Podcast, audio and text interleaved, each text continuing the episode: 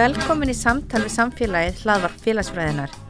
Síðastlegin tvö ár hefur Félagsfræðingafélag Íslands staðið fyrir því að veita verðlun fyrir framúrskarandi B.A. og M.A.R.I.tgerði félagsfræði. Að þessu sinni voru það þær Adda Guðrún Gilvadóttir og Sólilja Bjarnadóttir sem að hlutu verðlunin. Adda Guðrún hlaut verðlunin fyrir B.A.R.I.tgerð sína, harkvinna og varnarleysi á íslenskum vinnumarkaði, aðstöður pólslaunafólks á Íslandi en hana skrifaði hún undir leiðsök Stefáns Ólafssonar, professors í félagsfræði. Sólíli Bjarnadóttir hlaut hins vegar verlunin fyrir Emma-rittgerðina og bara rittgerðinar heitið Do People Behave as Their Family and Friends? The Role of Social Networks for Pro-Environmental Behavior in Iceland en hana skrifaði hún undir minni leiðsögn. Þess má geta Sólíli að lauka Emma-náminu á einu áru og er núna komin í doktorsnámi Háskóli Íslands en addagviðrún er í umsóknarferli við að sækjum framhalsnámi í Breitlandi. Velkomnar í hlaðvarpi báður tvær og til hafmyggi með verleinin. Takk. Takk hella. Ef við byrjum kannski á almennistu spurningunni sem við getum haft, er bara af hverju félagsfræði? Af hverju völdu þið hana? Já, um, mér fannst bara mjög gaman í félagsfræðinni í mentaskóla og mér fannst ótrúlega gaman hvernig félagsfræðin gætt svona uh, skilið samfélagið á einhvern annan hátt en maður einhvern veginn hafiði áður séð eins og til dæmis þegar ég var að byrja í mentarskóla þá var maður aldrei pælt í sömum hlutunum sem að maður svona lærði í félagsfræði tímanum þannig að mér finnst ótrúlega gaman að horfa hvernig félagsfræðin skoðar miklu stærra uh, hlutin í miklu stærra samhengi. Og þannig einhvern veginn gáttu við svolítið, eða gæti ég oft skilið miklu betur margar hluti í samfélaginu. Þannig að mér fannst það svona langt skemmtilegast við félagsfræðina. Og það var svona ástæðan fyrir ég á hvað að fara í félagsfræði í háskóla. Mm. Var eitthvað svona dæmi segjandi eftir í hug eitthvað sem var, var talað um svo svona, vá, já, ég hef ekki hugsað með þetta svona. Mm, Nei, eða svona það var bara einhvern veginn um, alltaf í tímunum í mentaskóla, þá fannst mér þetta bara einhvern veginn svona einstaklega skemmtilegt. Og jú, öruglega speil sjálfi, það er svona eitt dæmi sem að ég, sem mann sérstaklega eftir hvernig við speiklum okkur með hérna það sem að Kúli var að tala um mm. og hérna, mér finnst það svona einstaklega skemmtilegt ég man, manað bara svona þegar hérna, við tölum um þetta núna en líka allar hugmyndina Skoffmann fannst mér mjög skemmtilegar allar í mennskóla mm. En hjá þér að það? Já, ég sko ég hérna byrjaði í Livjafræði þegar ég fór í háskóla eh, og það kom náttúrulega öllum í kringum mig verulega óvart en það var eitthvað svona uppreysnar andi á mér að ég ætlaði sko ekki félagsvísindi eins og allir myndu að halda vegna þess að já, bara svo sannlega heimaðar sko, yeah. þannig að hérna um, já, var þar í einu önn og fannst það bara ekki skemmtilegt. Og um, áttæði með á því eina sem ég fannst skemmtilegt í Livjafræði var félagsliði þátturinn og gafst þá upp í þessari uppreist og, og fór bara það þanga sem ég átti svo sannlega heima og, og hef bara alltaf haft náttúrulega bara mikið náhuga á samfélaginu og, og með mikla réttlætiskend og svona mist mjög skemmtilegt hvernig það er þetta nýta aðfrafræði félagsfræðinar og einhvern veginn blandaði við réttindabaróttu mm.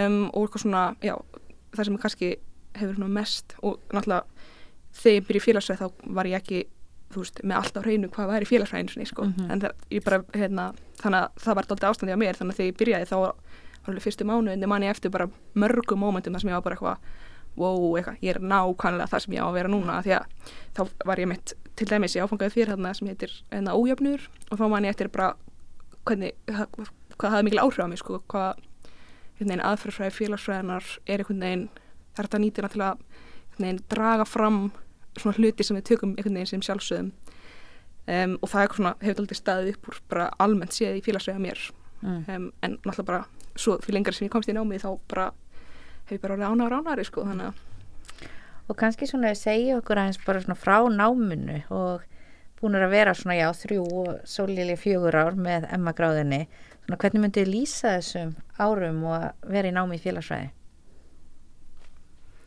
Um, já, ég, mér fannst náttúrulega bara strax ótrúlega skemmtilegt í félagsræðinni því ég byrjaði bara á fyrstu önninni. Um, og ég einhvern veginn var ekkert beint ætlað að stefna eitthvað á meistaranám um leið og ég byrjaði í grunnáminu sko. En mér fannst það svona kannski á fjóruðu, fymtu önninni sem ég var í félagsvæðinni þá einhvern veginn fann ég hvað mér fannst tölfræðin ótrúlega skemmtileg og meginlega rannsóknir ótrúlega skemmtilegar.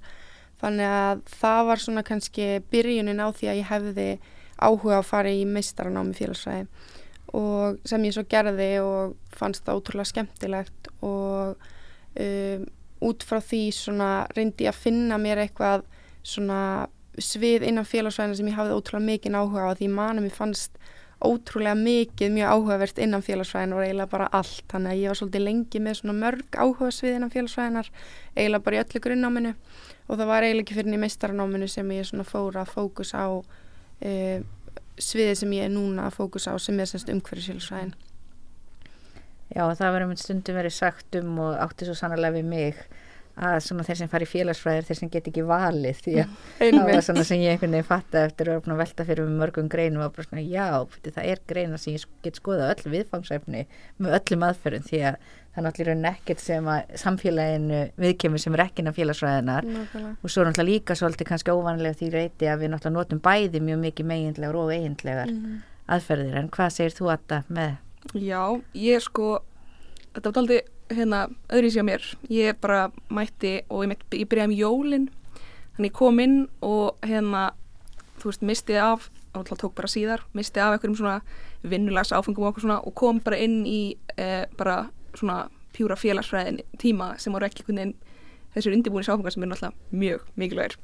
Eh, þannig að ég man bara eftir að komið og ég man, sérst, það er mér einstaklega minnistætt þegar ég fattaði bara hvað það er þetta sem ég vil skoða og ég vissi bara örgulega fyrsta mánuðunum að, að ég vildi skoða að ég bara mest en áhuga á já, ójöfni og síðan einhvern svona vinnumarkas tengdu og, og mm. hérna um, já, man ég satt hérna áfunga hjá Stefán Ólafs og ég var bara fór til hans í lók annarinnar, sko fyrstu annarinnar var bara viltu leipina mér því mér langar að skrifa um þetta þannig að það, leið, það lág fyrir mér um leið en, en, en kannski aðeins svara spurningunni betur mm. þá bara hvernig félagsfræðin á mig er veist, það er bara hvað er það ekki einhvern veginn mm. sko veist, það er það sem ég upplýði líka er einhvern veginn að ólíkir aðilar getur farið útskriðast úr þessu námi með mjög ólíka upplýðun vegna þess að það er, það er hægt að fara í allt en það er líka hægt að sérhefa sig mm. þannig að hérna það er allir hérna, það getur allir fundið sitt sko. mm. og mér stæði mitt svona líka þú veist, það eru allir sem klára þetta nám eru svo vel undirbúinir fyrir eiginlega hvað sem þeir gera, þú veist, allir sem ég hef talað við sem hafa klára námið tala um það hvað þetta var góður undirbúningu fyrir eiginlega bara hvað sem að mm -hmm. þó þau sé að gera rosa mismunandi mm. hluti eftir það Heimmi. þá einhvern veginn finnst mér að bara alltaf vera þannig að þau tala um hvað þetta var góður undirbúningur fyrir rosalega mikið mikið að námi sko Já, ég bara algjörlega saman á því sko og líka gaman að sjá að mitt hvað allir eru að gera ólíka hluti sko mm. það eru félagsfræðingar alls þar Jeps. Já, það er náttúrulega svona og, náttúrulega, og við tölum voðalega mikið um sko fjóruðu innbyltinguna og vinnumarka 21. aldarinnar en það líka þetta engjennist og það var til dæmis eitt sem að mér fannst svolítið hrætt við að fara í félagsfræðin og það náttúrulega er bara kannski á tíunda ára og síðustu aldar mm. að yfir þetta, þú veist, þú vissir ekki alveg nákvæmlega hvað þú yrðir mm. uh, að þú veist, með að við til dæmis eins og að fara í hjúgrun eða læknisfræði eða lögfræði þar sem verður þetta og ferði þetta starf mm. en svo erum við náttúrulega með mjög margar greinar innan háskólans þar sem að í rauninni þú ert að læra ákveðnar aðferðir og ákveðnar hugsun uh, um ákveðin viðfangsefni og síðan kannski er vinnumarkurinn allur undir og þú ert svolítið svona að mm. finna út bara hvar þú passar Algjörlega og líka bara eitthvað annað með þetta allt er bara hvað með, þú veist, mér veist ég raunverulega að kannski mest úr náminu er bara einhvern veginn að vera með greinandi auga sko á, mm. á samfélagið Klálega. að hérna, að mann álgast samfélagið allt öðru í sig og, mm. og það er hérna mjög stór og góð lærdomur sko mm. Og þegar þú talar um að nálgast það öðruvísi, hvað áttu við með því eða svona einhvers dæmi? Sko, kannski eitthvað sem er gott til útskýrt er bara að áður en ég væri félagsræði, ég ætla ekki að segja að horta heiminn eins og var svart hvítur en, en það er aldrei þetta að, hérna, að allt getur litið út fyrir að vera einfalt og bara einföldustu hlutir eru samt ótrúlega flóknir mm. og það er kannski aldrei sem félagsræðin dreyju fram ef maður er að skoða hluti að, að hérna maður átt að sjá því að hlutinir eru aldrei einfaldir og, er, og hlutinir sem við tökum svo innilega eh, eins og sem gefnum sko eru svo sannarlega ekki uh, eitthvað, eitthvað sjálfsbrottið eða eitthvað svoleiðis, allt í samfélaginu eitthvað, eitthvað, skona sköpun sko. Mhm. og líka mér fannst það sérstaklega svona um, líka var að hugsa um svona jaðarhópana þú veist uh, það einhvern veginn svona opnaði svolítið augun mín þú veist, Tómar hafa alltaf pælt ótrúlega mikið í því það einhvern veginn hjálpar félagsfæðin svolítið að skilja þeirra upplifun og þeirra svona uh, samfélagslega tilgangu einhvern veginn af því að þú veist um, eins og til dæmis ég man alveg maður var mikið að hugsa um alla jáðarhópin í samfélaginu en þegar maður fór í félagsvæðina þá einhvern veginn skildi maður miklu meira þeirra heim og þeirra upplifin Mm. mér varst það mjög svona eye-opening sko Mm. Og kannski ef við förum aðeins að ræða þessar afburðarítgerðir sem ég hef nú lesið báðar og hafði, já, bæði gagn og gaman af, uh, en byrjum kannski á þér að rítgerðin þín fjallaði um aðstöðar pólsks launafólks á Íslandi og kannski við byrjum bara á þess að tala um bara hvernig stóð á því að þú fegst áhuga á þessu viðfangsefni. Sko, þegar stórt er spurt. Uh, ég, eins og ég sagðan, þá bara fekk ég mjög mikið áhuga þarna á, á vinnumarkaðs félagsfræði, ef maður má koma svo orði, uh, bara strax í upphafi. Og síðan bara uh, hef ég bæði verið að æfa mikið með pólverum og heyrt mikið að sögum um, og síðan er kærast minn einflitandi um, og bara heyrði rosalega margt í gegnum það. Um, þannig að það hefði náttúrulega áhrif á mig. Um, en þetta er samt eitthvað sem ég hef samt verið að spá í mjög lengi. Þannig að lá, að var alveg svona það var mjög röggrétt framhald fyrir mig að skoða þennan hóp um, og ég gerði það eiginlega alltaf því ég gætt valið eh, um eitthvað viðhversefnið í gegnum allt námið þá var ég alltaf að skoða uh, þennan hóp bara Mm. og náttúrulega líka alltaf stæsti hópur innlind á Íslandi þannig að hérna þetta er aldrei svona já, mikilvægt að skoða og þetta er bara mjög stór hópur hér um, og einmitt þessi tenging við þetta vinnumarkastótt og síðan líka ójöfnurinn að, að það, var mjög svona já eh, mér fannst það bara einhvern veginn liggja upp í augum uppi að ég þetta væri það rétta fyrir mig að skoða Mm. en þú veist, hefur kannski ekki eitthvað svona pjúra ástæði fyrir Mm. utan það bara að, að þetta er opaslega mikilvægt efni til að skoða sko. Og þú varst með mikið mismunandi gögnum og meðal annars frá eflingu Já. Þannig að þú mútti kannski segja ykkur aðeins á hvað var það nákvæmlega sem þú varst að skoða semst varðandi gögnin og sem þú greindir. Já, ég sagt var bara aðalega að skoða sagt bara aðstæður þessa fólks, sagt þessa hóps á, á, á íslensku vinnumarkaði eh, og þá út frá bara ólingum breytum. Um, en ég skoða líka hérna, þá var ég að skoða atunleysi og þróun þess og þá var gögn frá uh, vinnumálastofnun og, og sem sagt bæðið, ég skoða alveg frá fyrir hrun og var svona að horfa á hvernig hérna, efnæðarstrengingar uh, einhvern veginn lenda ójæmt á uh, hérna, ólíkum hópum sko, og, og var að bera saman þá uh, eftir þessum tímabiljum uh, bæði fyrir Íslandíka og fyrir Pólverja og, og þá kom alltaf bara í ljósa að efnæðarstrengingar eða sérst hrunið bara hérna, það tók miklu miklu lengri tíma fyrir uh, uh, Pólverja að einhvern veginn komast upp úr því atvinnuleysi sem að var uh, og líka þá varð atvinnuleysi að meðal Pólverja miklu herra heldur en nokk tíman Íslandíka og bara einmitt mörgum árum lengur að- komast í ykkur neginn eðlilegt horf sko. En þó að það hafi einhvern veginn skána þá, þú veist, held alltaf áfram það er ennþá og hefur verið frá hruni mikið Mm. atvinnuleysi meðal pólverja því að þeir eru líklega þá þeir fyrstu sem er, er sagt upp við efnaðarstrengar Mm. og svo framvegis. Svo með gagnum frá eflingu þá er ég að í rauninni skoða bæði hérna, bara á atvinnurki og þá voru það líka atriði bara eins og um, laun, vinnutími, mentun, uh, húsnæðista og já, og í öllum þessum breytum þá komu þau verru út heldur en íslensku mælandi um, félagsmenn eflingar uh, nema hvað var að mentununa Mm. að þá uh, er sér satt mentunasti að jafnaði hjá uh, hérna, eflingu herra meðal pólskumælandi meðlema en mentunina samanskapi er ekki að skila sér í tekjur Mm. og það er kannski svona þetta stóra um, og emitt þó að þið séu að koma betur út með herri mentun eða sérst uh, það er algeng- algengara að þau séu með herra mentunastig Mm. að, að þá er veginn ekki að skila sér í, í, í, tekjunar sko. Og, og svo er ég líka að skoða aðeins brotastarfsemina. Og var þá að skoða gang frá Alþýðsamt Íslands. Og, og þar kom þetta líka hérna bara eh, þessi sama tilneying sko að hérna uh, þá er ég að skoða skráðar uh, launakröfur eftir þjóðurnum og þá er bara uh, í miklu ósamræmi við raunverulegt, raunverulegan fjölda þe- þessa hóps á vinnumarkaði þá er sérst, já, miklu, miklu fleiri launakröfur skráðar heldur en, uh, veist, nokkuð tíman eðlilegt ætti að teljast um, og samanskæpa sem er aðtilstu þetta er að, að hópurinn er líka ólíklegri heldur en Íslendingar til þess að tilkynna slík brot þannig að Mm. það, hérna, fræðin segir að jafnvel þó að þessar tölur séu sko fráleitar að þá sé þetta líklega miklu, miklu verra. Þannig að þú átt við með launakröfur þá er þetta í rauninni verið að brjóta á Já, sk- já skráður launakröðunar eru þá sagt, hjá aðaldafélögum ASI mm. að þá eru verkalýsfélögin að, að sagt, uh, launakröðunar eru bara þessi launastöldur. Já, þá frá atvinnu Já, já, að þá eru uh, hérna, eru verkalýsfélagið er að, sagt, að sækja mm. uh, þennan, þessi, þessi laun frá atvinnureikundum Mm. Þannig rauninni á öllum þessum mismunandi svona vittum sem þú skoðar kannski á atvinnumarkaði þá sjáum við alltaf í rauninni sömu myndin að koma upp að Einmitt. sem er þá pólverjum í óhag Algjörlega sko.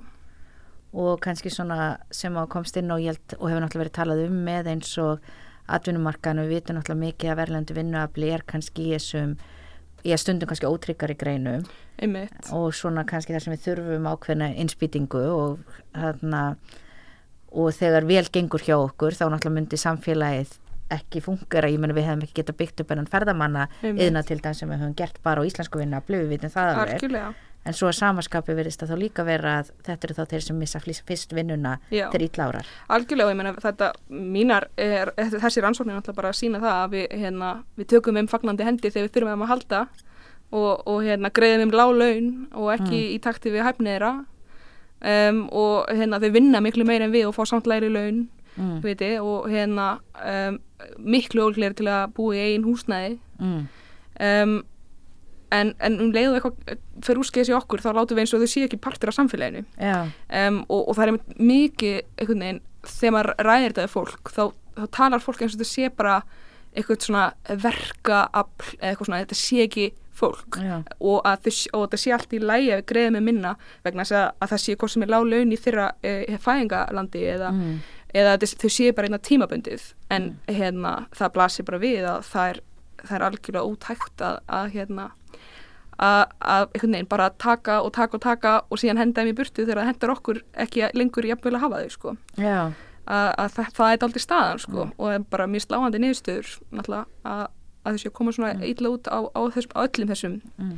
uh, og svo náttúrulega líka eins, ég kannski glemdi að fara inn á það að einmitt, ég var náttúrulega líka að, að, að fjalla um þetta að, að það virðist vera þannig að þessi hópur raðist einmitt sérstaklega í, þú veist, þessi ótryggu og sveiflukendi störf sem að, einmitt, sveiflast með stu, aðstæðum á, á hérna, efn, ja, efnaðars aðstæðum Mm. þannig að, hérna, einmitt, en það eru náttúrulega oft, einmitt, þessar margar skýringar en það er, staðan er samt það, þetta er aldrei í lægi, ég, ég þó að við getum útskýrta, sko. Já. Þannig að, já, og þú varst auðvitað að skrifa réttgerina bara svona í kannski miðju kófinu. Og ég veit og svona rétt skoðaðar eitthvað smá örlítil gögnum hvort þetta verið að koma fram í kófinu. Það voru þá vís Nákvæmlega. og við höfum líka svo sem heyrt það annar staðar frá líka. Einmitt, en vísbendingur um að sama ferli kannski hafi farið í gangi í kófinu eins og eftir hrun. Já, það var mjög gott og bara, ég var rosalega ána að geta fengið það inn og einmitt bara, þetta er nákvæmlega það sem er skemmtilegt í veit, að að hérna, maður er alltaf að greina eitthvað þú veit, að, hlutinni geta breyst svo fljótt, að geta komið eitthvað upp. Og ég meina þegar ég er ákveð að skrifa þetta þá er ég náttúrulega, er COVID ekki þú veist, nálægt ég að vera að gera nákvæmlega, skilur, þetta er bara mörg, nokkrum árum áður. Þannig að það var rosalega áhugavert að geta fengið það en og einmitt aðtilísvert að því þá, þá er að koma í ljós að, að, hérna, að pólverjar væru sagt um, hlutfarslega mun fleiri heldur en henni Íslendingar uh, á, í hlutabóðuleginni og, og einmitt eins og segir það hefur síðan sínt sig að hérna atvinnleysi er náttúrulega atvinnleysi og einmitt líka með hlutabótalegina að þetta hefur bara haldið sér nákvæmlega eins og, eins og fyrstu vísbendingarnar sem ég hefði og ég meina, Mm. ég, ég held að ég hafi bætt þessu inn bara hérna, kannski tveim vikum áður en ég skilaði vegna þess að ég bara, ég varð að gera það sko, já, að þetta var svo mikilvægt að, að þetta kemi með sko. já, og ef við færum okkur svo kannski við til þín Sólilja og þú ákvæmst að beina sjónum á umhverfisfélagsfræði í Emma-náminu Yep. sem að er svið félagsfræðina sem kemur kannski ekki á óvart að hafi vaksið mjög mikið erlendis Mm. en ekki alveg náð fótvestu hérlendis og kannski ég myndi svona segja okkur aðeins frá því hvað er umhverfisfélagsfræði og af hverju er mikilvægt að skoða umhverfismál með félagsfræðilegu stjórnarhörni Já, eins og segir þá hefur þetta svið stækkað mjög mikið erlendis og hérna en hefur ekki náð einmitt fótfestu hér á landi. En umhverfisfélagsfræði er sem sagt uh, fræði sem að skoðar svona félagslega uh, byggingu umhverfismála með því að greina svolítið orsök, uh, að, áhrif og mögulega lausnir á umhverfismálum. Og um, ég er einmitt núna í í rítgerðinni minni þá var ég að skoða sagt viðhorf og umhverfishægðun einstaklinga. Og um, mér fannst nefnilega félagsvæla sjónarhóðnið gerir nefnilega svo mikið fyrir okkur til að skilja hvernig þessi umhverfismál eru. Um, það sem að mér fannst svo ótrúlega mikilvægt að skoða var einmitt hvernig umhverfi hefur áhrif á okkur. Og ef við horfum til dæmis bara á Ísland sem uh, svona við, já, bara sem eitt mál að ef við skoðum það út frá félagsvælu sjónarotni þá er svolítið hér á landi að vera umhverfisvæn er svolítið kannski að flokka eða eitthvað svo leiðis og það er náttúrulega mjög uh, félagsvælega pæling hvaða er útbreytt að flokka af því að fólk heldur einhvern veginn að það sé það eina sem er gott að gera fyrir umhverfið ef það eitthvað við. Uh, og félagsfælegi vingilin í því er svolítið að við erum, það er svolítið að breyðast út og það er svolítið orðið normið að flokka, allavega svona miklu meira en til dæmis fyrir tíu árum síðan. Uh, að samaskapi er til dæmis ekki normið að leggja engabílnum sínum og nota meira strætó. Þannig að það sýnir okkur svolítið uh, félagsfælegi pælingarnum bak við þetta er svolítið að normið er uh, þetta og normið kannski öðrum samfélögum er að gera eitthvað annað mm. fyrir umhverfið. Þannig að mér langaði svolítið að sjá hvað hefði svona áhrif á þetta bæði með því að skoða hvernig svona innstyrringurinn, svona félagsnett einstaklinga hafði áhrif á þessu umhverfisæðun og svo líka hvort að normið í öllu samfélaginu hefði áhrif á það. Og uh, ef ég bara tala eins um niðurstöðunar í rítgerni minni þá síndi það að þeir sem eru nálagt okkur hafa ótrúlega mikil áhrif á umhverfisæðun okkar og það hafði bæði sérst áhrif á svona flokkunarhæðun einstaklinga og svona auka fyrirhöfn einstaklinga að uh, leggja sitt að mörgum til umhversins. Og kannski við förum aðeins meira út í það sem að uh, þú ert að tala um hér með sem að við náttúrulega í meginlegum aðferðum myndum tala um sem háðubreytuna mm -hmm. en í rauninni sem er þá bara það sem hún var áhuga að skýra og sjá breytilega og sem að er þá já þessi umhverfishægðun og þú varst með all margar spurningar sem að semst fólk var spurt um varðandi það, ég held að það hafi verið einhver átta eða nýju. Já, nýju spurningar. Hvað, kannski að segja okkur aðeins svona, já, hvað nákvæmlega það var sem þú varst að skoða já. og hvernig þú flokkar það og svo kannski hversu algengt það er að fólk sé að gera mismunandi hluti. Já, já, ég skal gera það. Eh, það var sem sagt í fyrsta lagi þá skoðaði ég semst hvort að fólk var að flokka og ég var náttúrulega svolítið að búast við því að það myndi ótrúlega margir uh, svara því uh, sagt, já, að því að mér finnst það er mjög útbreytt til dæmis hér að flokka. Uh, svo var ég líka með hvort að fólk um, sem sagt væri um, að draga úr svona nótkun á einnóta uh, umbúðum. Uh, svo var ég líka með hvort að fólk væri að draga úr uh, svona að borða dýraföður og fleira. Um, svo var ég líka með hvort að fólk væri að nota engabílin minna. Uh, nota minna plast. Uh, dragu matarsóun svo var ég líka með hvort þau væri frekar að kaupa hérna nótufött heldur nýfött uh, og svo var ég með hvort að fólk væri sérst að fljúa minna. Mm. þannig ég var með þessa nýju hluti og það var svolítið áhugavert hvernig niðurstöðunar uh, leittu í ljós að ég notaði sérst þáttagreiningu og þáttagreining er semst þannig að við erum með uh, fullt af hlutum og við ætlum að reyna að finna svona uh, dulda breytu innan þessara uh, atriða sem við erum með. Og ég var semst með þessi nýju atriði og þau flokkuð semst þannig að uh, fimm hlutir flokkuð saman. Og það var semst flokka um, minga plastnótkun uh, minga nótkun á einnóta umbúðum uh, minga matarsóun og minka sem sagt uh, hversu mikið þú kaupir á fötum. Og þetta eru allt svona hæðanir sem mér finnst Íslandingar vera mjög mikið að gera af og það síndi líka sín, uh, kom fram í niðurstöðunum og það eru mjög margir að taka þátt í þessum um, hegðunum en svo var semst hinn þátturinn sem var þá uh, hvort að fólk var að kaupa hérna notuð fött, hvort að fólk var að hætta eða allavega minka það að borða dýraafurðir uh, hvort fólk væri að nota hérna engabili minna og hvort fólk væri að uh, sagt, minka flugferðina sínar. Og þetta voru svona þeir, uh, þær hæðanir sem mjög fáir voru að taka þátt í. Og mér varst það svolítið áhugavert hvernig uh, það svona voru ótrúlega margir sem að voru að gera semst, þessa flokkunarhæðun eins og ég uh, skýrðana en færri voru mitt að taka þátt í þessari auka fyrirhöfn til að vernda umhverfið sem í rauninni er að hafa í rauninni kannski meiri eða sem hefur minni skali áhrif á umhverfið það væri að taka þátti mitt í þessum hæðunum en fleiri voru einhvern veginn að taka þátti í uh, þessum hæðunum sem eru svolítið létt að taka þátti eins og flokka og minga plastið. Mm. en það er svona ef maður gæti sagt minna þæginlegt að allt í einu ætla að hætta að nota engabílinn eða fara að fljúa minna. Þetta er svona svolítið erfiðara fyrir fólk að taka þátt í.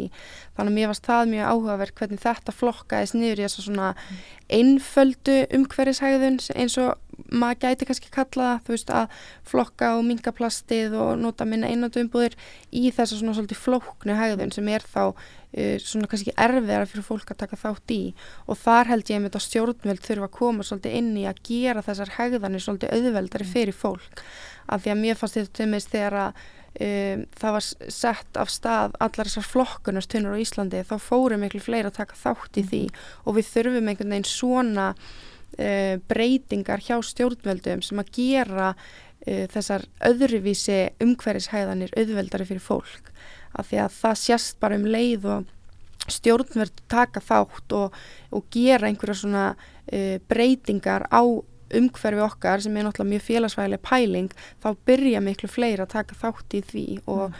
það fer svo mikið eftir þessu félagslega umhverfi fólk, hvort að fólk er að taka þátt í þessum hæðunum þannig að þar held ég að stjórnvöld þurfum að koma svolítið inn í svo að fólk geti farið að taka þátt í svona umhverfishæðunum mm þannig að má svona segja, ég veit að við möttum að koma stjórnvöldum aftur þegar við tölum að þessum doktorsverkefniði mm -hmm. en þannig að má kannski svona svolítið segja það að við séum svona með ákveðnar tegundir hægðunar sem eru orðna mjög útbreytar og bara flestir eru svona eiginlega að gera mestu leiti Já. en svo kannski hluti af þessum erfiðari sem að við erum ekki tilbúin að taka á okkur og þetta hefur náttúrulega verið mjög sérstök umræðan hér á Íslandi og til dæmis þegar ég reyna þýða sko fyrir aðna erlenda vini mín að sko um að, aðföruna að engabílnum og hvað það er sko mikið mál og svona sjá þetta kannski svolítið svart og hvítt að þú veist einhvern veginn annarkort viljum við einhver algjör að bílaborg þar sem er hægt bara að leggja fyrir utan hverja búð mm -hmm. eða við viljum bara vera algjörlega græn mm -hmm. en auðvitað náttúrulega kannski það sem við erum að miða að er einhver stær í miðjunni og að svona auka þeir sem geti sem sagt mikið og drægi úr uh, eh, engabílnum sem náttúrulega mjög margir vilja mm -hmm. og sínir sig náttúrulega aftur og aftur Klálega en svona megin punkturinn var þá líka að skoða hvað hefur áhrif á þessa hegðun Já. og þá varstu náttúrulega bæði að skoða einstaklingsbundna þætti eins og kín og aldur og slík mm -hmm. en líka leggja sérstaklega áherslu á eins og sagðir með félagslega umhverfi eh, bæði félagslega umhverfi og líka bara svona hvernig þú almennt upplifir að normið sé í samfélaginu. Einmitt. Þannig að hvað var það sem fannst varðandi það? E, þá kom nefnitt mjög e, spennandi niðurstöður út og það kom bæði sko Uh, félagsneitt einstaklinga hafði sagt, bæði áhrif á þessa flokkuna hefðin einstaklinga og þessa auka fyrirhöfn sem sýnir það að það skiptir mjög miklu máli hvað fólki næst okkur er að gera hvort að þú ákveðir sjálfur að taka þátt í þessum hefðunum en það sem kom fram var að semst, það var semst, breyta hjá mér sem heitir social norm sem er mjög hérna, útbreytt í félagsvæðinni sem er semst, félagsleg viðmið. Og það hafði í rauninni meiri áhrif á þessa flokkunahæðun sem sínir okkur það bara að það er í rauninni miklu meira normið að taka þátt í þessari flokkunahæðun hér á landi. Og það var ekki jafn sterk áhrif á sagt, þessa auka fyrirhöfn, það var einungis bara ein af þessum breytum sem var sagt, uh, hvort að fólk var að kaupa hérna uh, notuð född sem að hafði áhrif á þessa auka fyrirhöfn. Mm. þannig að það síndi þá að um, þetta sósjál norm á Íslandi er í rauninni ekki mm. þessar flokkunahæðanir uh, sem er sem þessi auka fyrirhöfn sem ég var að nefna hérna áðan.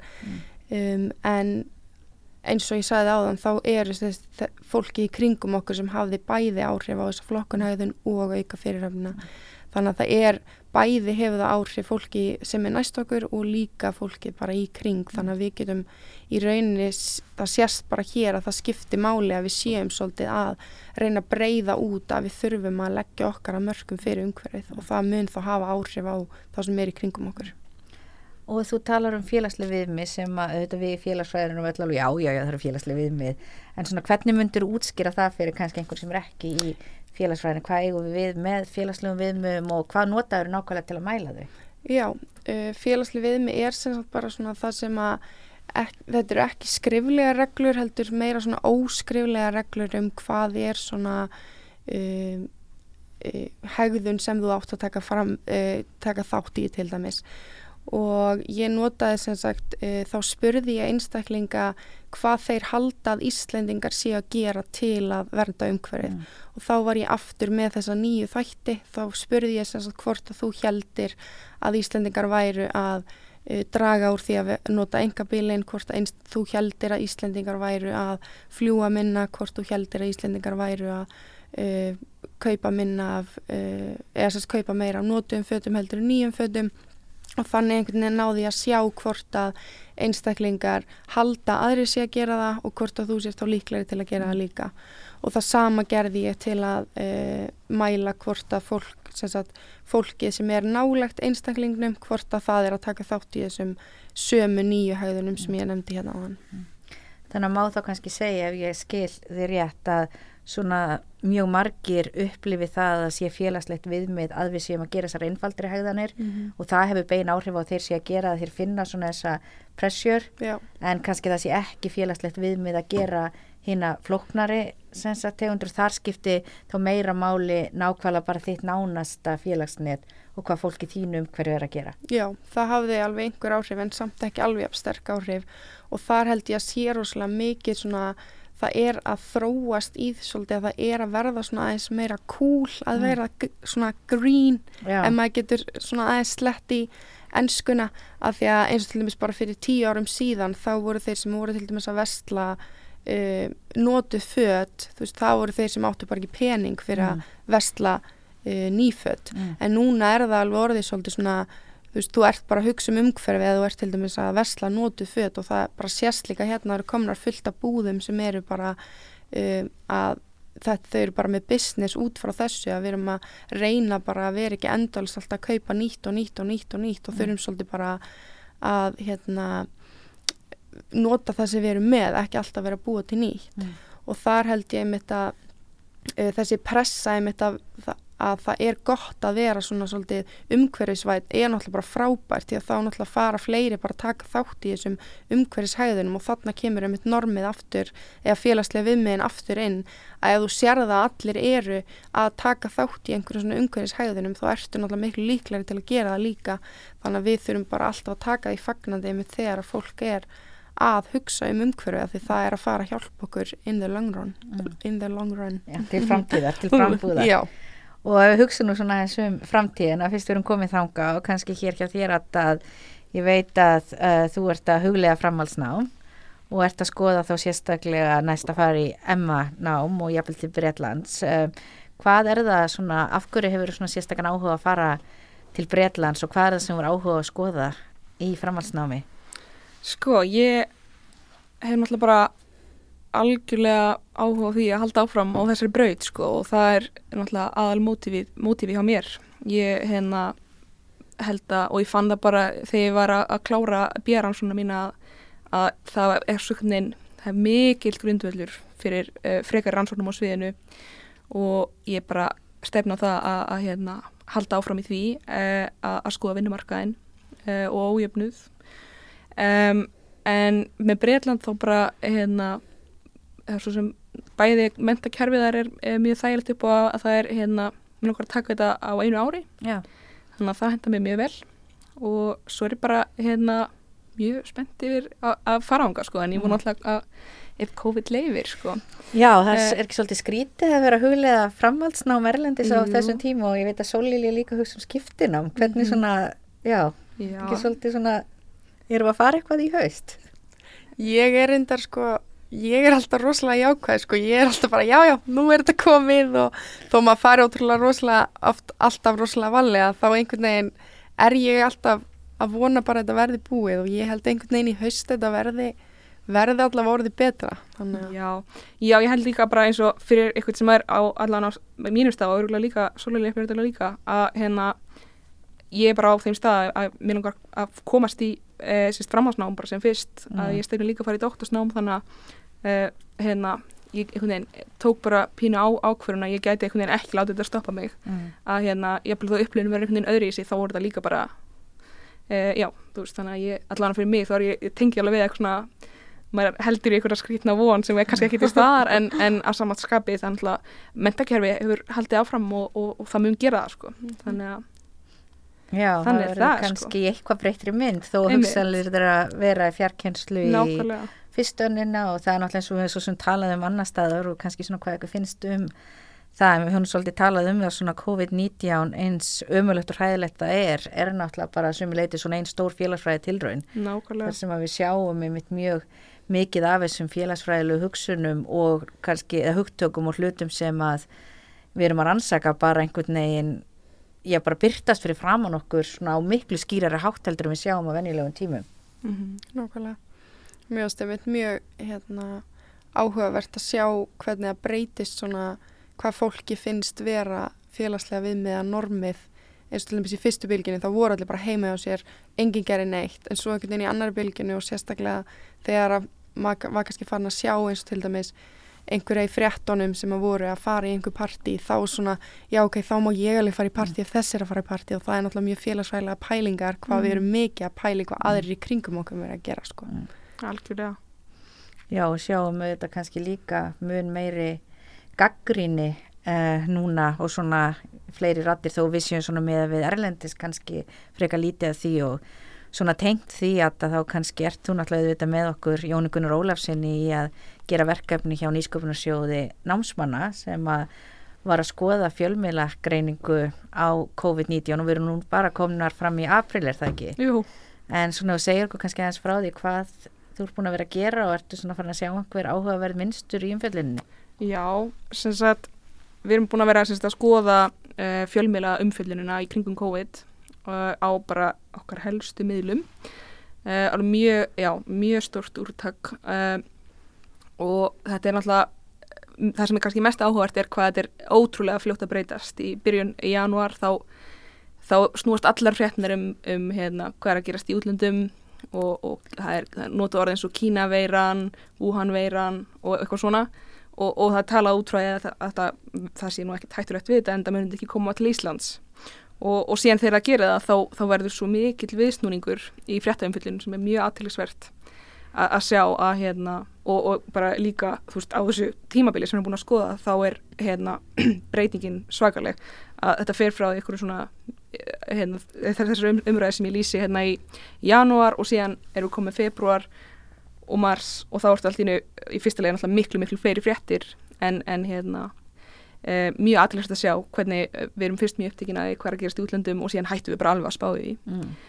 uh, basically sko, Já. þetta erum náttúrulega ekki hægt að spá því en, en, en með við sko frétta flutning þá er, er þetta mjög aðtilsvert og einmitt, já annars bara hérna er mjög margt sem hefur komið fram í þessu sem að Sem er náttúrulega bara efni annars Já, ávars ná, þátt þegar einmitt. við verðum alveg búin bara- með verkefni og stefnum auðvitað að taka bara í rauninni, já helst bara í allavega árið og í rauninni allan faraldurinn Já. uh, yfir tíma því að það er mjög áhugavert að sjá mun á fyrstu bylgu, annur og þriðju og hverjir það eru sem er að taka þátt í orðræðunni hvað er verið að tala um á hverjum tíma þannig að það er nóg efni þar og kannski ef ég fyrir síðan aðeins aftur til þín Sólilja, þú ert núna byrjuð í doktorsnámi, þú er rauninni bara já, hálfpartin byrjaðir í doktorsnámin áður en að þú formlega útskrifaðist með Emma-gráðuna, en þetta var mjög svona hratt hjá þér. Og kannski segja okkur aðeins frá því hvað er sem þú ætlar að skoða í doktorsverkefninu. Já, eh, ég ætla sem sagt að skoða hvernig umhverfismál hafa svona þróast úr því að vera svona uh, freka mikið bara jaðarmál í að vera svolítið svona eitt af aðal áherslunum uh, hér á Íslandi og svo ætla ég líka aðeins að skoða þetta í samanbyrju önnur lönd og ég ætla svona að skoða bæði hvernig það hefur hjá almenningi og í, uh, sýst, í pólitíkinni hvernig það hefur svona þróast yfir tíma. Um, og ég mun sem sagt nota ímsar aðferðist til að skoða það bæði viðtöl og meginleg og hérna meginleg gögn. Og já, þannig að það svona er í nótskurð það sem ég mun skoða. Mm. Og við erum einmitt núna einmitt, í gangi alþjóðlega könnun sem er lögð hér fyrir á hverja ári alþjóðlega viðþóra könnunin eða International Social Survey Program og 2020 þá var hún einmitt um umhverfismál. Einmitt. Og þar erum við náttúrulega farin að sjá með suma hlutina og ég var að sjá, við erum ekki búin að fá gagnaflun er ekki lokið en fekk það sem eru búin að svara núna það var mjög áhugavert til dæmis að skoða flugferðir. Mm. og svo spurningan alltaf bara ónýtt út af COVID. Spurt hvað hefur oft farið með flugvél og síðast ári. Já. ég held að það eru nokkur sem voru með einu sinni eða tvísvar og allar neynir oftar en það. Einmitt, þannig að það náttúrulega er ekki að nota þá spurninga en það er náttúrulega mjög frábært að ég er með þessi gögn frá 2010 líka. Já. og gæti þá verið að sjá sagt, mun á milli tíma þó að flugspurningin muni lítið hjálpa þetta árið þá Já. eru hýna spurningan það er verið mjög áhugavert að sjá hvort að það er búið að vera breyting á einmitt umhverfismálum á milli tíma hjá hérna almenningi sko Já og svo kannski bara svona í lokinu ég held þessi nú eða halvpartin búin að svara þeirri spurningu um svona hvort þessi ánæður með að hafa valið félagsfræðin en svona kannski bara aðeins í lokin svona að já svona hugsa tilbaka og hvað þið hafi lært og svona af hverju félagsfræðin hefur verið mikilvægi eitthvað lífi? Mm. Já, sko fyrir mig þá verður ég að segja um, það var frábæra ákverðin að fara í lífafræði vegna þess að ég, mér fannst það svo leðalegt að þegar ég byrjaði í félagsfræði ég, þú veist, veit ekki hvernig ég get ekki ímyndið með hvernig við hefði liðið ef ég hefði ekki pröfað eitthvað annað mm. því að þú veist, þá hefði ekki skilið hvað ég væri ógeðslega sátt mm.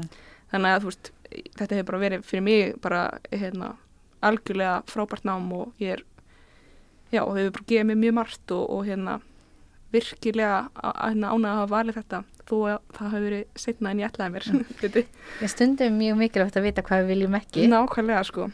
Og það er náttúrulega þannig með allt nám að það er svolítið að finna, það er gott að það er eiginlega einhverju sem vilja fara í allt nám. Nákvæmlega, Já. og líka mitt það, það samt, þó að mér þætti sko námið efnislega, það hérna síst, hendaði mér ekki, hérna lefafræðin, þá hafði ég samt, fekk ég mjög mikið áhuga á hérna, einmitt veist, þeirri hliði í félagsfræðinni mm. og það var eiginlega það sem að um, leti til þess að ég fatt að ok, ég er, ég er ekki að spá í livjum ég er að spá í akkur, þú veist fóraldrar ákveðin að batna vil ekki að bönni sín fara á þetta liv en þeim finnst annaðið lægi og svo framvegs og þá náttúrulega blasir það við sko, ég er náttúrulega bara ekkert í réttri, hérna, á réttum stað sko.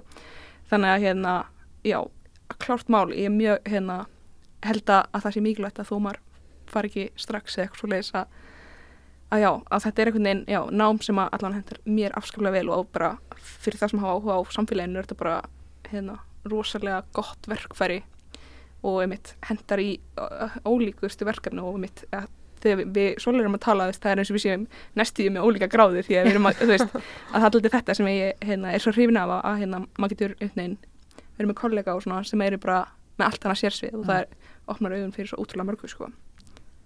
Einmitt.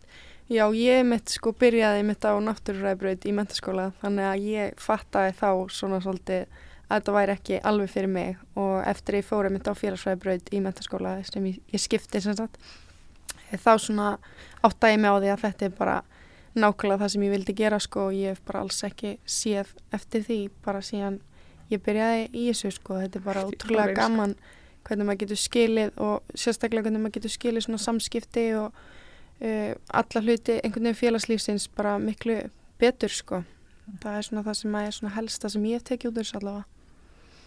Já, bara frábært að heyra og bara takk kærlega fyrir að vera með okkur hér í dag og til hamingi aftur með mjög svo vel verðskulduð verðlaun og ég held ég geti nú bara sagt að framtíð félagsfræðinar sé björnt hér á landi með uh, nefnundur eins og ykkur sem allir og hefið stefni á doktorsná.